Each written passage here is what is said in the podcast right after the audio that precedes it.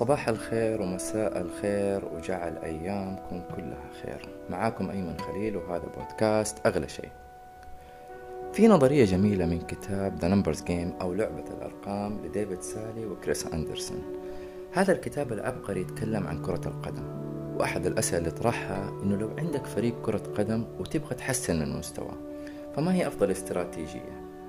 هل ترفع من مستوى أسوأ لاعب أو ترفع من مستوى أحسن لاعب في الفريق؟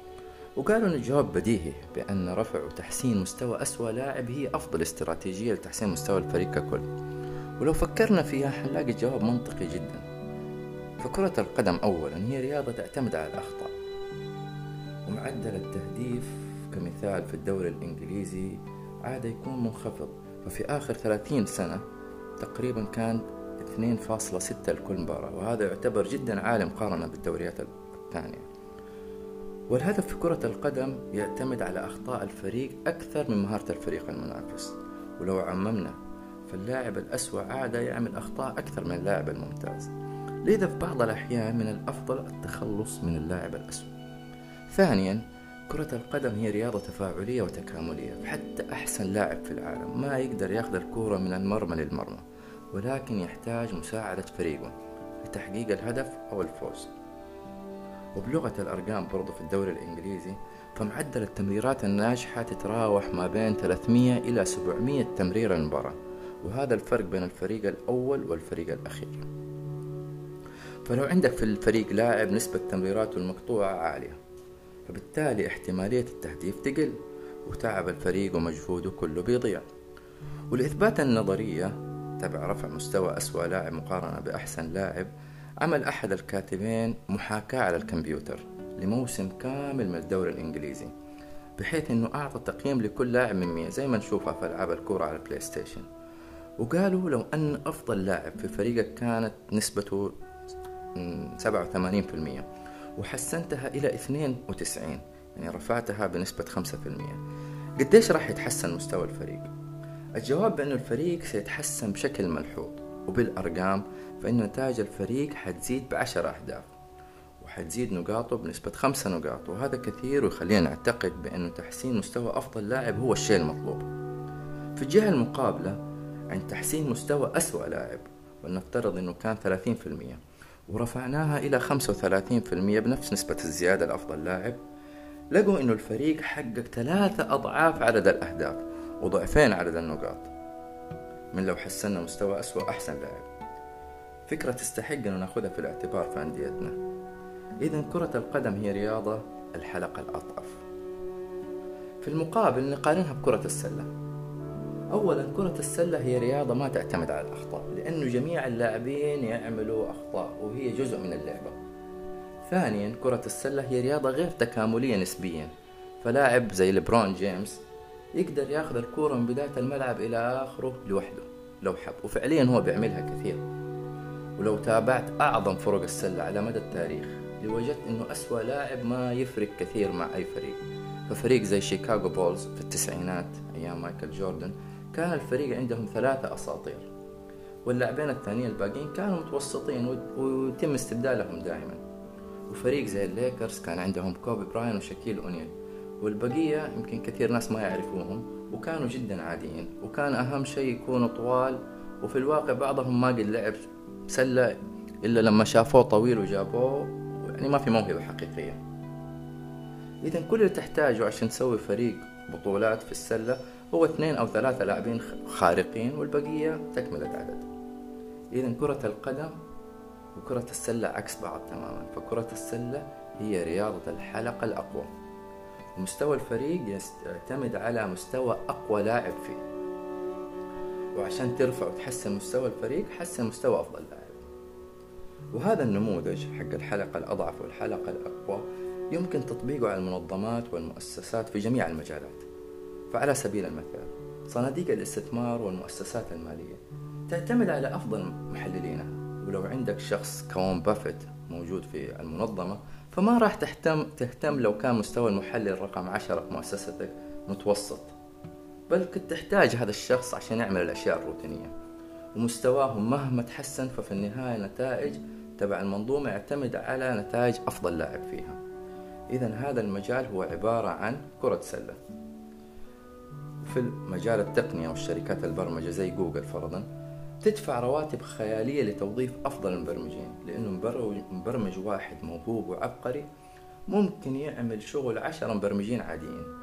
فعلى إيه تضيع جوجل وقتها في توظيف أشخاص عاديين وهي تقدر تختار الأفضل وتدفع له أكثر؟ اذا هذا المجال أيضا يعتمد على مستوى أفضل لاعب فيه. الآن ننتقل إلى منظومات أكثر تعقيد.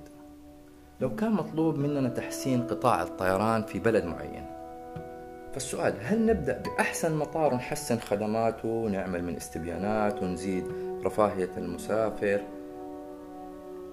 أم نركز على المطارات الصغيرة؟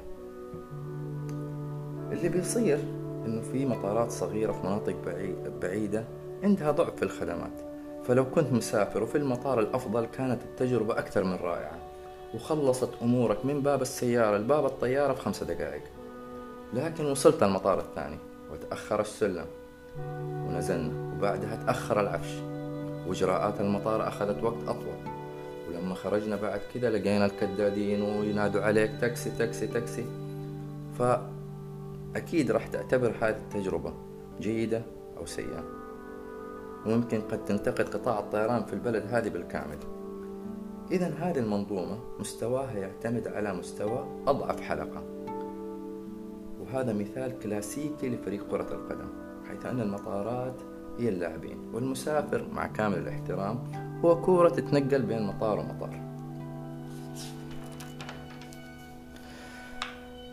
لكن في الواقع هذا المجال بيهتموا بالحلقة الأفضل من باب مواجهة البلد. طيب ننتقل لقطاع أكبر من قطاع الطيران وهو قطاع المواصلات العامة. ويشمل الطيران؟ حنلاقي نفس النتيجة. وقطاع أكبر من الطيران وأكبر من المواصلات العامة هو السياحة ويشمل الأمن والخدمات العامة والبلديات وحتى الاتصالات. فلو كان عندنا أسرع شبكة إنترنت في العالم لكن ما بتغطي جميع المناطق فالنتيجة حتكون تجربة سيئة. نقدر نستمر لكن الهدف من هذه الأمثلة أنه نعرف أنه هذا العالم مرتبط بالحلقة الأضعف.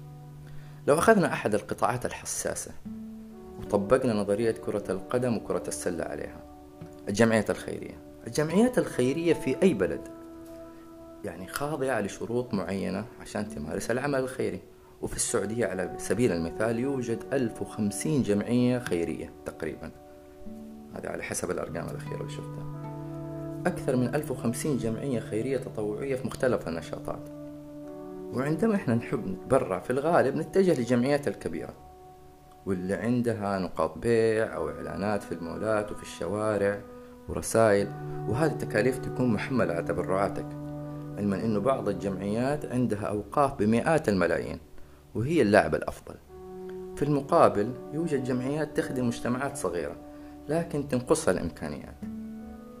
وبحكم نظرتنا بأن الأكبر والأشهر هو الأفضل ورغبتنا في تحسين الأفضل ننسى أن الجمعيات الأضعف هي اللي تحكم على مستوى العمل الخيري في البلد. بمعنى أنها فريق كرة قدم. وكثير من تمريراتها إلى المحتاجين مقطوعة. لذا أتمنى في المرة القادمة اللي نفكر فيها بالتبرع أو نتبرع فيها أنه تأثير تبرعاتنا للجمعيات الأضعف غير أنه يوصل للمحتاجين فإنه يحسن من المستوى العام للناس الأشد تضرر والعمل الخيري ككل في البلد. وهذا طبعا بعد تأكد من نظاميتها وفعالية البرامجها الخيرية. فحل مشكلة مثل تأهيل الناس الأشد الف... أشد فقر يعني؟ تعليمهم مهنة أو زيادة دخلهم أفضل من توزيع هدايا في العيد من قبل الجمعيات وإن كان مهم وشعور جميل وعلى نفس النمط بالحلقة الأضعف والأقوى مع أزمة كورونا نسأل نفسنا إيش هي كورونا؟ كورونا هي عبارة عن مشكلة الحلقة الأضعف طب السؤال الثاني ما هي الأزمة اللي حاليا قاعدين نواجهها مع كورونا؟ نحن ما بنتكلم عن مشكلة توفر أسرة في عناية مركزة أو البحوث عن هذا المرض لا المشكلة اللي بنواجه بتواجهها معظم الدول هي نقص المواد الطبية الأولية زي الكمامات والمسحات والقفازات والإبر. وهذه الأشياء هي اللي عطلت التعامل مع هذا الفيروس بشكل فعال. إذا كورونا هي كرة قدم. في العقود الأخيرة كان التركيز في الاستثمار في القطاع الصحي على تطوير المستشفيات التخصصية وعمل البحوث على الأمراض النادرة والمستعصية وهذا شيء جدا جميل. لكن خلال هذه الأزمة الأسوأ من 1918 في فترة الإنفلونزا الإسبانية اللي ضربت أوروبا والعالم وحصدت الملايين هل ساعد هذه الاستثمارات والإمكانيات الموجودة الآن في حل المشكلة؟ إذا ركزنا على الفئة الأكثر عرضة لمضاعفات كورونا لوجدناهم المسنين فوق 75 سنة حيث نسبة الوفاة خمسة أضعاف الأشخاص في الأربعينات وبرضو أصحاب الأمراض المزمنة اللي عندهم ضغط وسكر وسمنة. فتخيل لو تم التركيز من 20 أو 10 سنين على تحسين صحة المجتمع وتقليل السمنة وتوفير أندية بأسعار أقل ووضع قيود على الأكل القمامي والجنك فود وتحسين جودة الأكل في المدارس للأطفال وغيرها من الأمور الاستباقية. ربما أنا بقول ربما كانت كورونا عبارة عن إنفلونزا موسمية ما هي خطيرة لكن تعتبر سيئة وتعدي. فاليوم العالم أصبح مرهون وتحت رحمة مجموعة من الناس. عندهم أمراض مرتبطة بطريقة حياتهم فهم الحلقة الأضعف. ولازم نعلم أنه طريقة تفكيرنا في التحسين تبدأ من الحلقة الأضعف لأنه ما زلنا نعتقد بأن التحسين يبدأ من الحلقة الأقوى. وننسى أننا بهذه الطريقة نعمل على أن يزداد الغنى الغني غنى والفقير يزداد فقر دون أن نحاول نكسر هذه القاعدة. الختام شكرا لاستماعكم. دائما تذكروا أنه أغلى شيء في الحياة هو وقتكم. thank you